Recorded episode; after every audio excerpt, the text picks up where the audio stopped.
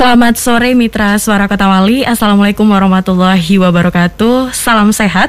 Semoga di mana pun Anda berada dalam keadaan sehat Dan tentu dengan tetap menerapkan protokol kesehatan.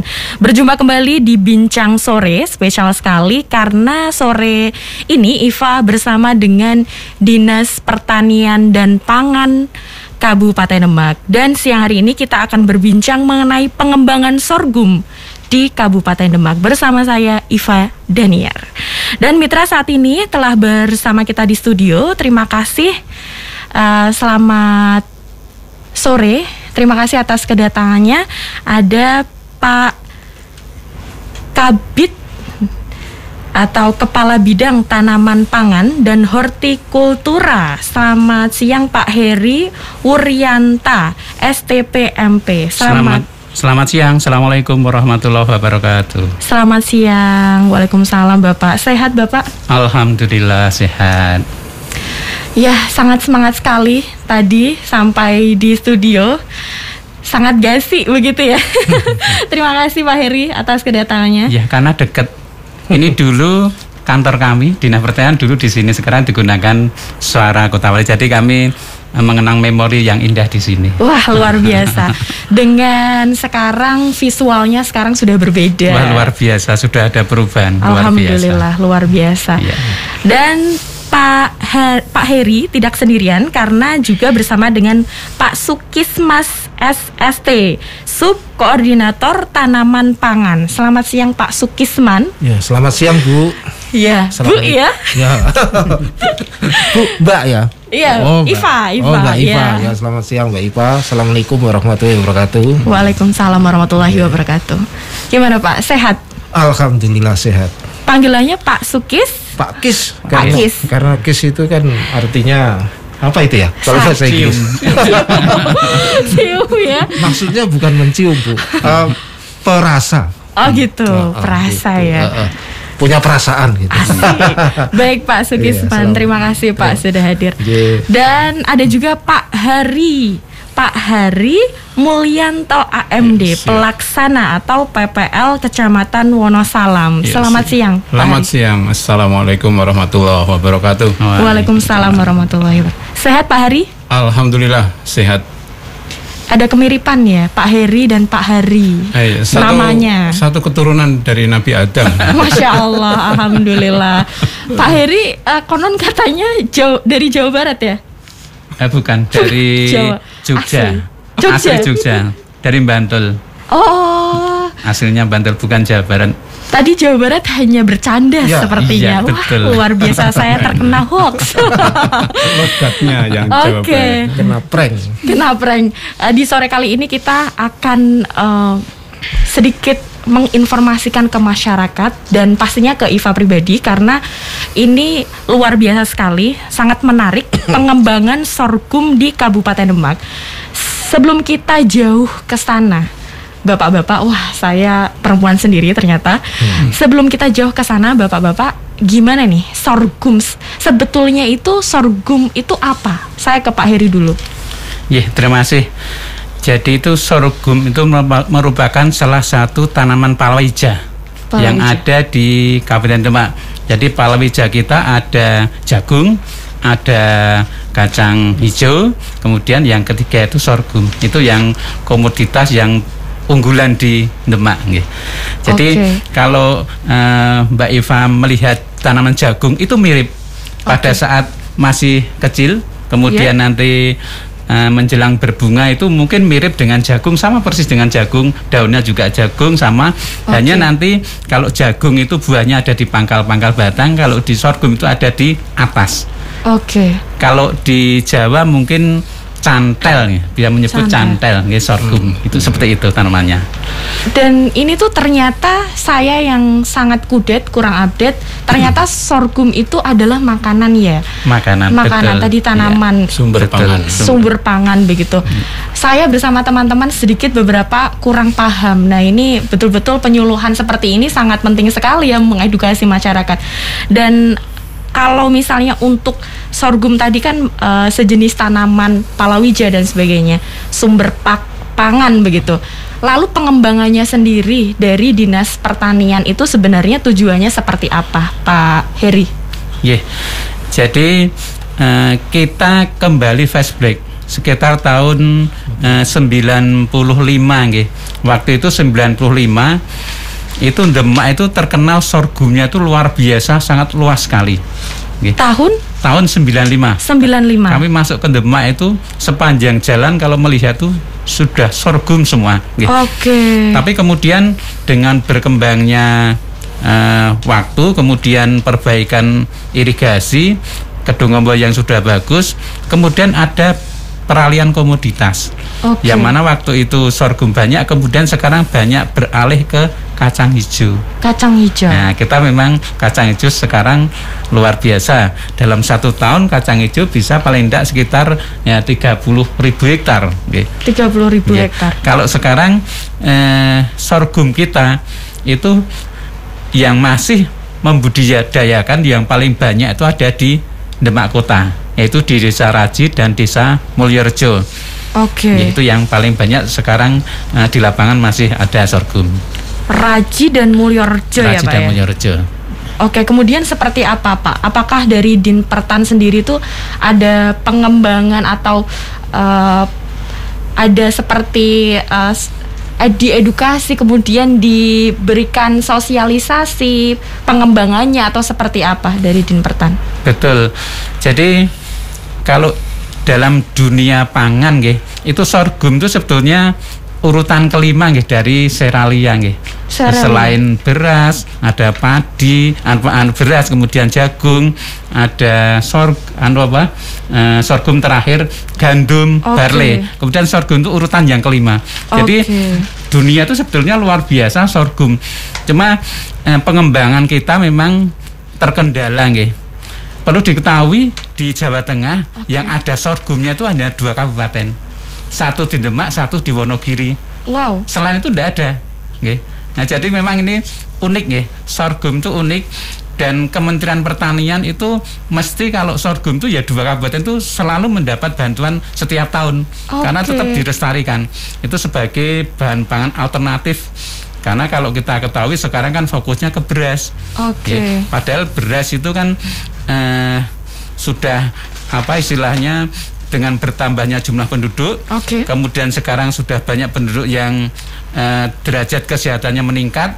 Sekarang sudah banyak mengurangi konsumsi beras, beras. karena berkaitan dengan uh, diabetes. Oh, iya. nah, kemudian salah satu alternatif untuk pengganti itu ya ini sorghum ini. Ini luar biasa kalau ini dikembangkan uh, yang tahu kesehatan tentu akan pilih sorghum kalau dibanding beras nanti nilai gizinya gizinya kami jelaskan bagian belakang seperti apa okay. gizi sorghum dibandingin gizi beras. Artinya berarti kandungan gulanya sendiri itu ternyata berbeda begitu ya berbeda, ya dengan berbeda. dengan nasi okay. begitu betul, ya. Betul, ya. Baik Pak Heri. Ah, saya mau ke Pak Hari. Pak hmm. Hari atau Pak Sukisman ini ya. pelaksana juga ya. ya. Dalam arti ketika uh, di lapangan itu seperti apa Pak antusiasme dari uh, petani sorghum? Boleh? Ya. Pak Sukisman, ya, silakan. Ya, terima kasih.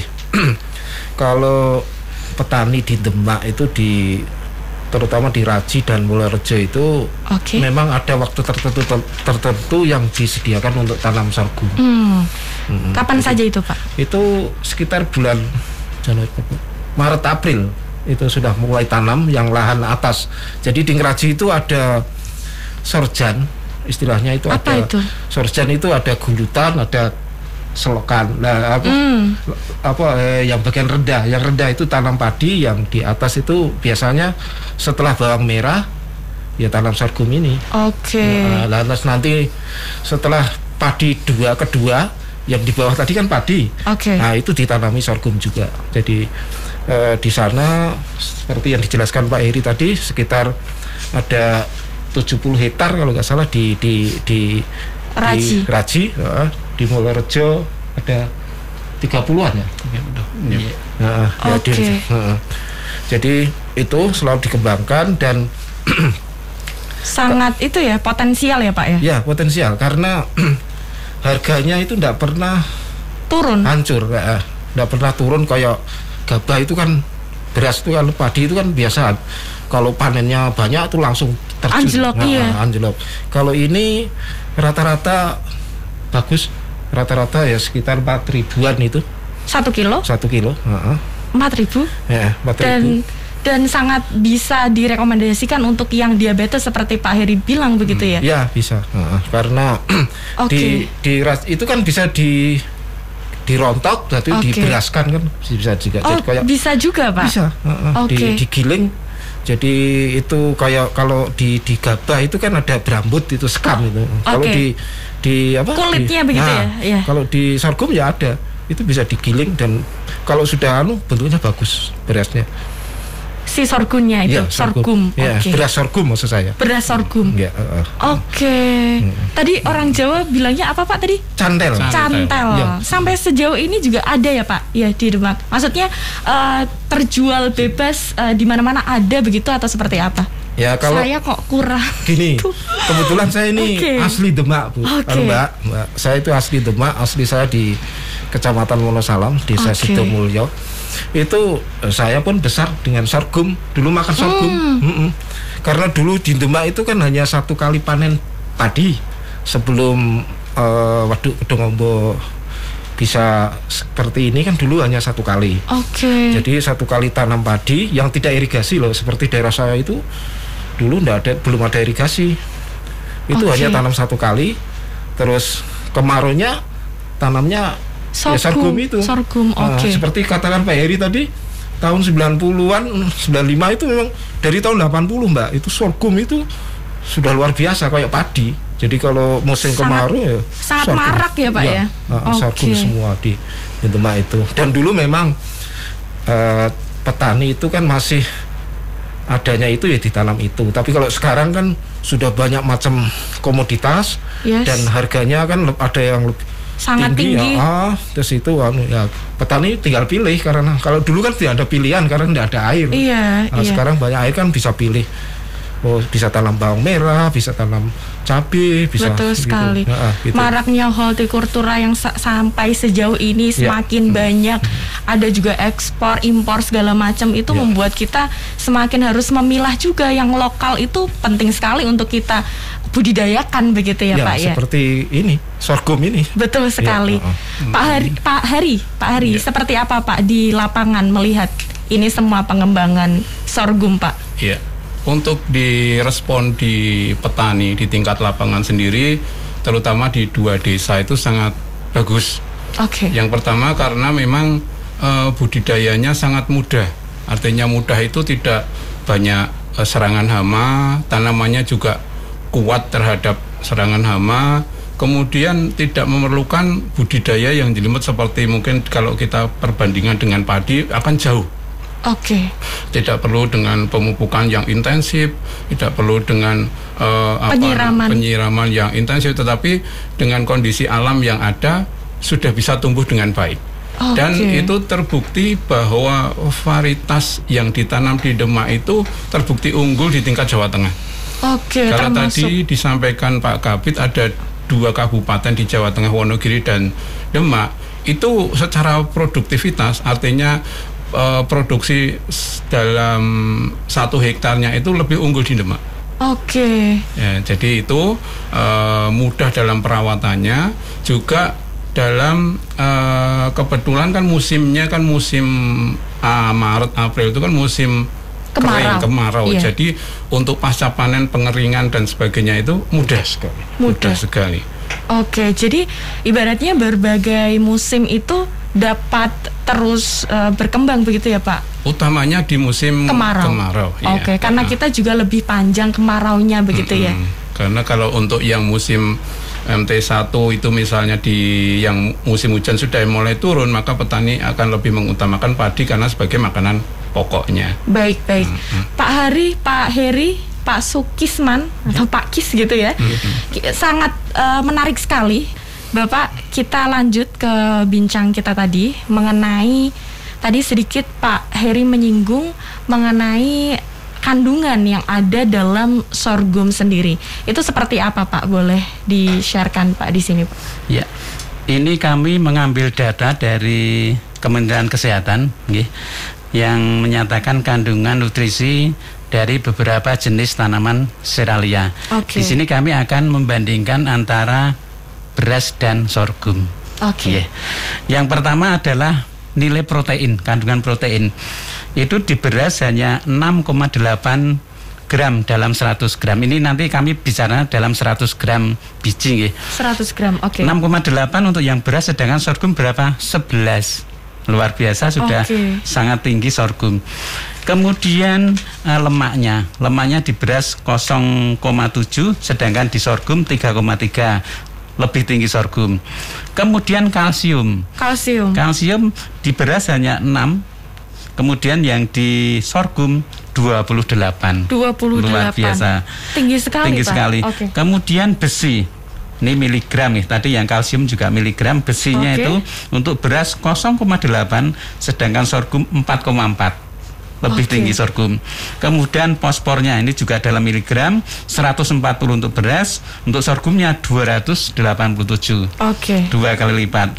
Kemudian vitamin B1 dalam miligram di beras hanya 0,12, sedang di sorghum 0,38. Oke, baik. Itu ada tujuh item yang lebih menang sorghum. Ini menangnya beras hanya di kalori. Kalori di beras 360, sedangkan di sorghum kalorinya 332. Memang lebih tinggi eh, kalorinya di beras. Kemudian yang kedua Oke. adalah karbohidrat. Itu Karbohidrat. dalam satuan gram itu ada 78,9 untuk beras, sedang di sorghum 73. Jadi Oke. ada dua yang menang beras, tapi tujuh itu menang sorghum.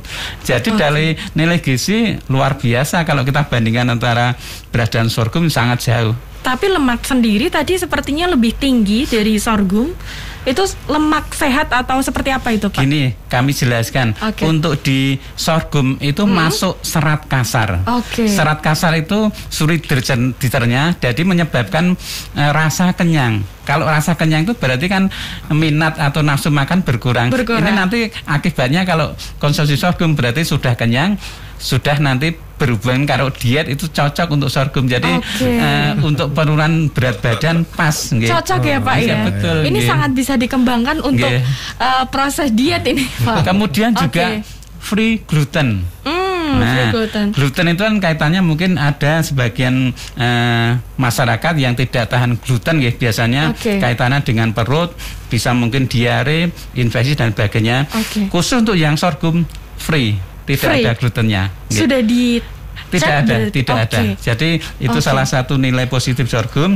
Kemudian yang tidak kalah penting nilai apa apa kalau di jangan roti mengembangnya itu sama dengan gandum. Jadi ini alternatif pengganti gandum sangat bisa sekali. Oke. Kalau kita kan gandum harus harus eh, impor dari luar. Ini salah satu alternatif untuk bisa menggantikan gandum. kita sangat Iya. kaya akan itu. Betul, Kalau iya. misalnya ingin dibudidaya lebih Sangat concern mungkin lagi, sekali, sangat, mungkin sekali bisa Oke. nanti eh, mengalahkan eh, gandum. gandum. Iya. Oke. Mungkin Oke. menambahkan juga Iya, baik, silakan, Pak dari kelebihan sorghum dengan padi. Kalau di sorghum itu batangnya bisa dimanfaatkan. Oke. Ya, jadi di Untuk? dalam eh, di dalam batang sorghum itu ada kandungan niranya. Salah satunya Oke. pemanfaatannya yang mungkin sudah banyak dikenal itu sebagai sumber energi bioetanol. Hmm. Ya. Itu kemarin sudah sempat ada penelitian, namun eh, apa namanya eh, untuk kesepakatan harga memang belum deal. Jadi masih penelitian-penelitian antara eh, harga dengan eh, nilai produksinya, gitu. Oke Pak. Lalu gimana Pak? Eh, ketika hal ini betul-betul diketahui oleh Dinpar, Dinpertan, lalu so apa ya sosialisasi yang dilakukan oleh Dinpertan apakah hanya eh, tatap muka saja, eh, sosial media yang sekarang betul-betul semua agak ada di genggaman itu seperti apa sosialisasi yang dilakukan oleh Dinpertan sendiri Pak? Oke. Kita pada tahun ini mungkin juga tiap tahun deh, Ya. kita tetap ada bantuan dari APBN. Oke. Karena perhatian dari pusat tentang sorghum makanya tetap mengawal dan kita dari dinas pertanian tetap eh, dua desa itu kawal justru kita tambah luasannya. Ini Oke. data kita setiap tahun naik Meningkat. terus. nggih. Termasuk ini mungkin di luar Demak Kota itu ada di Mijen itu juga banyak sepanjang pematang Sungai Wulan itu juga banyak sekali.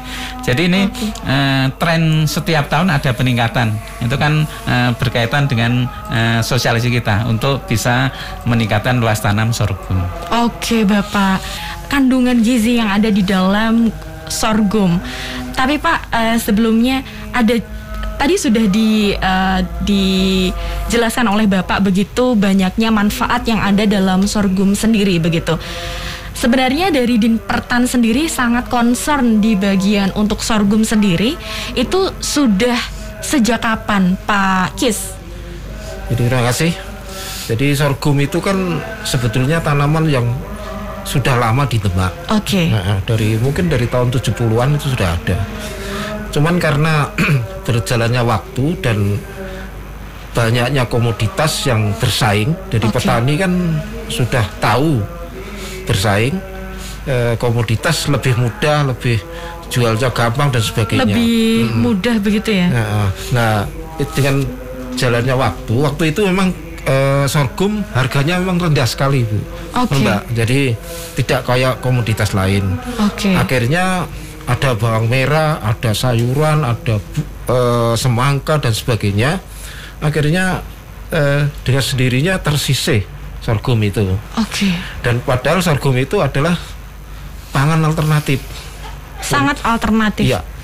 Berarti artinya sudah hampir 20 tahun lebih begitu ya? Iya. 21 tahun lebih. Iya. Nah, terus pada waktu itu diidentifikasi yang hanya yang ada ada di desa dua desa itu di antaranya Raji dan Mulyorejo. Mulyorejo, Nah, oke. itu di dinas pertanian eh, selalu memberikan bimbingan dengan eh, diberikan bantuan pupuk dan sebagainya dari tahun itu sampai sekarang.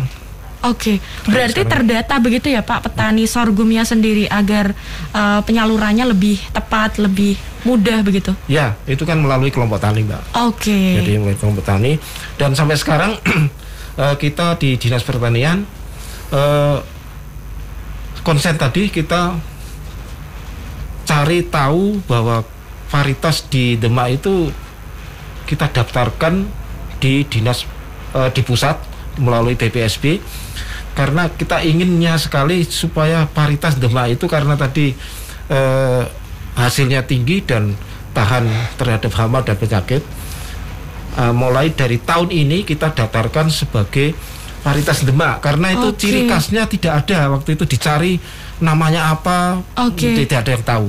Nah akhirnya kita coba kita daftarkan ke melalui BPSB uh, kita rencana kasih nama sorghum Demak. Wow, luar biasa. Nah, jadi kita tidak pakai apa-apa, tidak pakai nama yang mana supaya gampang dikenal sorghum Demak gitu. Oke. Rencana saya, rencana kami di dinas pertanian.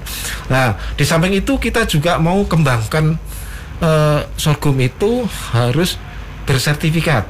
Oke, berarti nantinya Hmm. akan eh, sertifikat dan paten begitu ya? Ya, insya Allah begitu. Sorghum Ah. Demak begitu. Iya, insya Allah Oke. begitu. Kita punya maksud dan tujuan nanti Amin, supaya amin. ah, supaya eh, identitas itu betul-betul Demak punya. Oke, Seperti- dipatenkan begitu ya, Pak, ya? Seperti ada contoh itu di eh, Gerobokan itu ada kedelai Gerobokan. Kedelai gerobokan. Nah, itu dikembangkan di Gerobokan dan Oke. diberi nama Gerobokan. Nah, mungkin ada tambahan dari teman Pak Hari, Ya, ah, Pak Hari. mau tambahan Pak Hari? Iya.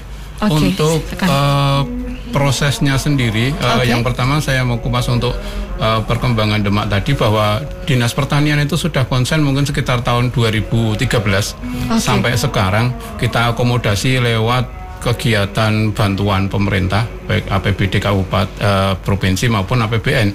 Oke. Bahkan tercatat eh, apa namanya dua tahun yang kemarin itu tiga tahun ya itu ada eh, kegiatan farm field day atau Fun Field Day. Oke. Nggih, hari temu lapang petani untuk Oke. sorghum sehingga petani bisa berkreasi terhadap berbagai macam sorghum termasuk di situ dibentuk diolah menjadi berbagai macam bentuk olahan Oke. ada A- Apa eh, saja itu, Pak? Kemarin ada keripik sorghum, ada tepung, ada roti apa kayak kayak apa ya roti tar atau roti apa itu namanya kurang paham. Eh, Oke, roti. seperti olahan uh, jenang begitu. Bukan, roti. Roti. Roti, ya. roti oke. Okay. Ya. Kue-kue. Kemudian kue kue, kue okay. semprong juga itu oleh KWT KWT sana di Oke. Okay. Hmm. Luar biasa sekali dan itu sangat dibimbing oleh Din Pertan sendiri begitu dalam dalam fasilitasinya dinas pertanian. Baik. Kemudian baik. yang untuk menyambung dari Pak Kesman terkait sertifikasi, kita okay. sudah proses sampai per hari ini okay. itu kita sudah melayangkan surat ke BPSB dan ke pusat. Jadi okay. ada dua karena itu adalah instansi yang berkompeten terhadap sertifikasi. Artinya bahwa varietas sorghum itu akan mm, menjadi, di, menjadi paten, paten begitu ya? dan kalau sudah punya sertifikasi okay. artinya itu sudah teruji bahwa itu bagus okay. bisa mempunyai daya saing okay. uh, syukur kalau harapan kami bisa masuk ke e-katalog. Itu akan menjadi lebih baik dikenal bisa dijadikan ikut program di klik di mana saja istilahnya iya baik itu. itu juga termasuk ekonomi kreatif apabila itu dikemas dengan uh, sangat concern. Kembali lagi ke situ begitu ya iya. Pak ya. Oke baik Pak Heri Pak Hari dan Pak Kis.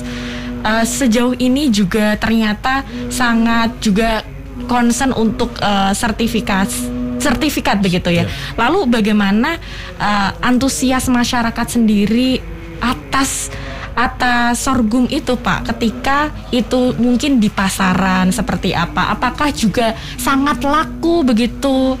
Bagaimana Pak? Uh, mungkin ke Pak Heri. Yeah. Jadi dari sisi pemasaran yes. sorghum ini tidak menjadi kendala. Tidak Karena ada memang uh, jumlahnya memang saat ini kan uh, masih minimal, gitu. belum belum banyak, belum oh. seperti beras atau kacang hijau yang okay. pada saat panen raya itu berat besaran. Kita kan masih volume yang kecil. Jadi dari sisi pemasaran no problem tidak masalah. Okay. Termasuk mungkin justru uh, kita malah kesulitan untuk mencukupi kebutuhan permintaan. Kebutuhan permintaan sorghum. Permintaan sorghum, baik itu yang dari luar kota atau mungkin dari petani sendiri, kelompok tani yang pengen mengolah menjadi uh, makanan, roti, kue dan sebagainya itu kan okay. mencarinya sulit karena kan oh. ditanam pada periode waktu tertentu dan hmm. tidak sepanjang waktu dan harusnya eh, KWT KWT itu nyetok kalau pengen ada sepanjang eh, bulan untuk bisa eh, pasca panennya itu harus nyetok makanya kan ini peluang peluang bagi petani kita di Demak untuk bisa mengembangkan karena e, dari segi pasar sangat mudah sekali justru kita harus tingkatkan karena kebutuhannya anu permintaan tuh banyak kita okay. harus tingkatkan. Pak Heri, tapi memang tidak kita pungkiri ya ketika kita berbicara uh, pasar atau market itu ketika sudah semuanya oke, okay, semuanya oke, okay, tapi kadang produksinya yang kurang. Naik atau malah produksinya melimpah tapi marketingnya yang ke menembus pasar menjangkau pasar yang susah gitu. Dua sisi sesuatu hal yang sangat diperhitungkan itu. Nah kali ini sorghum itu malah justru lebih ke produksinya yang ya, sangat ya, kurang masih begitu. sangat kurang. masih sangat kurang, sangat kurang. berarti uh, secara konkret dari din pertan sendiri itu seperti apa untuk mengantisipasinya ada penyetokankah ah, itu sepertinya sangat se bagaimana itu pak kita utamanya adalah penambahan luas tanam. Oke. Okay. Itu kan eh, salah satu untuk menekan produksi adalah mm -mm. dengan menambah populasi, menambah luasan. Kita fokus nanti kepada lahan-lahan kering yang tidak dimanfaatkan. Okay. Termasuk tanggul-tanggul pinggir sungai yang tidak dimanfaatkan itu bisa. Okay. Jadi memang ini sangat uh, sangat minim pupuk, okay. karena sangat minim pupuk, kemudian tahan kekeringan. Jadi pas pada lokasi-lokasi yang tanaman lain tidak bisa hidup. Okay. Jadi uh, nanti kita fokus pada lahan yang uh, tidak dimanfaatkan, yang masih bero di musim kering itu kita akan uh, kembangkan sorghum ini. Bisa dikatakan Dinpartan juga uh, bisa mengident. Oke, okay, ini adalah identitas Kabupaten Demak kalau pertanian, oh iya sorghum demak misalnya bisa dikatakan seperti itu. Betul. Uh, Artinya apa sebetulnya yang mendasari itu, Pak? Selain ya oke okay, vitaminnya tuh yang tadi sangat terukur, bagus begitu ya. 11 12 lah sama beras bahkan bisa dikatakan Lebih. lebih, Lebih, begitu. iya. Selain itu unik kata Pak Heri. Yang lebih mendasar sendiri tuh apa Pak sebetulnya? Kalau saya cenderung eh, pergeseran pola pikir dari konsumsi masyarakat nggih. Kita sekarang kan sudah banyak yang beralih ke non beras. Oke, Ya. ada ketan. Kabit Betul, saya deh, makanya ketan, jarang Saya- nasi. nggih, Saya tuh punya Oke. teman, punya teman di PE itu Oke. yang sekarang sudah bertahun-tahun tidak makan beras nasi begitu ya. menggunakan singkong. Lah ini kalau pakai ini kan luar biasa bisa. Oke. Sekarang kita sudah banyak beralih karena diabetes sekarang yang sudah banyak Hmm. sekali. Itu salah satu alternatif kita harus ganti produk pangan yang lebih sehat. Betul sekali. Alternatifnya adalah sorghum. Oke, luar biasa sekali Pak Heri. Iya. S- Sepertinya Pak Heri harus juga di Dinkes ya. Pak Heri Winarno. Kayak temennya gitu ya, mohon maaf. Oke, ini last minute sekali di menit-menit terakhir. Pak Hari, Pak Kis, eh, mohon izin untuk Pak Heri nggih memberikan closing statement di bincang sore kali ini mengenai pengembangan sorghum di Kabupaten Demak. Silakan Pak Heri. Ya, terima kasih. Ini kami tujukan pada khususnya petani di Demak. Oke. Nah, kami sarankan pada lahan-lahan marginal, lahan-lahan yang kurang air, yang sementara ini di saat musim kemarau tidak dimanfaatkan, itu kalau eh, mungkin di apa Karanganyar ke ke sebelah barat, gitu, mulai dari eh, Kedung Waru Kidul, Kedung Waru Lor, kemudian Mijen sampai Wedung itu kan banyak lahan di saat MT3 itu nganggur. Oke. Ya, itu kami sarankan untuk bisa dikembangkan sorghum. Ya. Nah, kita kembali nanti mengulang kejayaan sorghum di tahun 90-an. Harapannya nanti itu sebagai bahan pangan alternatif pengganti beras. Ya.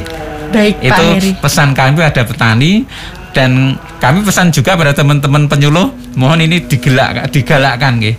Untuk sorghum ini harapannya ini nanti bisa menjadi komoditas eh, palawija setelah kacang hijau, Oke. jagung, sorghum. Itu tiga komoditas kacang eh, eh, palawija yang eh, unggul di Demak. Harapannya nanti sorghum menjadi yang ketiganya gitu. Oke, Pak Heri luar biasa sekali ya harapannya dan untuk masyarakat Pak silakan tadi untuk petani dan untuk penyuluh Ya. kemudian untuk masyarakat Untuk masyarakat, nggih.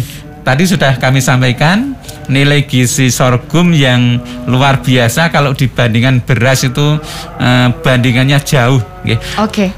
Tujuh itu menang di sorghum, hanya dua yang menang di beras. Kenapa kita tidak beralih ke sorghum? Oke. Nah, lebih murah, lebih sehat, insya Allah nanti lebih berkah. Amin, amin. Pak Heri, Pak Heri Wuryanta, terima kasih luar biasa atas edukasi dan informasi dari Pak Heri selaku Kabit atau Kepala Bidang Tanaman Pangan dan Hortikultura Dinas Pertanian dan Pangan Kabupaten Demak bersama dengan juga Pak Heri Mulyanto selaku pelaksana atau PPL Kecamatan Wonosalam dan juga Pak Sukisman SST dari Subkoordinator Tanaman Pangan juga dari Dinpertan. Terima kasih banyak atas waktunya dan edukasinya yang luar biasa. Terakhir ada tambahan? Cukup. Oh, ada. Baik, silakan Bapak. Terima kasih, saya Harimul eh, dari selaku PPL. Ini menjawab dari tantangan Pak Kabit tadi. Kami dari PPL di tingkat lapangan siap melaksanakan apa yang menjadi tupoksi kami dari eh, arahan Dinas Pertanian dan Pangan Kabupaten Demak di lapangan. Dari harapan kami sendiri bahwa nanti harapannya bahwa kita tidak hanya eh, apa fokus pada sebuah produk namun mengikuti eranya sekarang adalah digital sehingga kita bisa eh, menviarkan istilahnya. Eh, memviralkan atau me- eh, melalui media elektronik itu kita bisa bersaing dari produk sorghum khususnya seperti itu. Baik, Pak Hari, terima kasih. Din Partan, semoga dengan agenda dengan program kerja di 2022 ini semuanya lancar dan Amin. semakin Amin. jaya Amin. begitu ya. Amin. Terima kasih. Dan Mitra Suara Kota Wali, terima kasih atas kebersamaan dan partisipasi Anda. Tetap sehat Mitra dengan makanan yang luar biasa harus juga di uh, pola hidup sehat begitu ya dengan tetap mematuhi protokol kesehatan. Iva pamit. Salam sehat Mitra. Wassalamualaikum warahmatullahi wabarakatuh.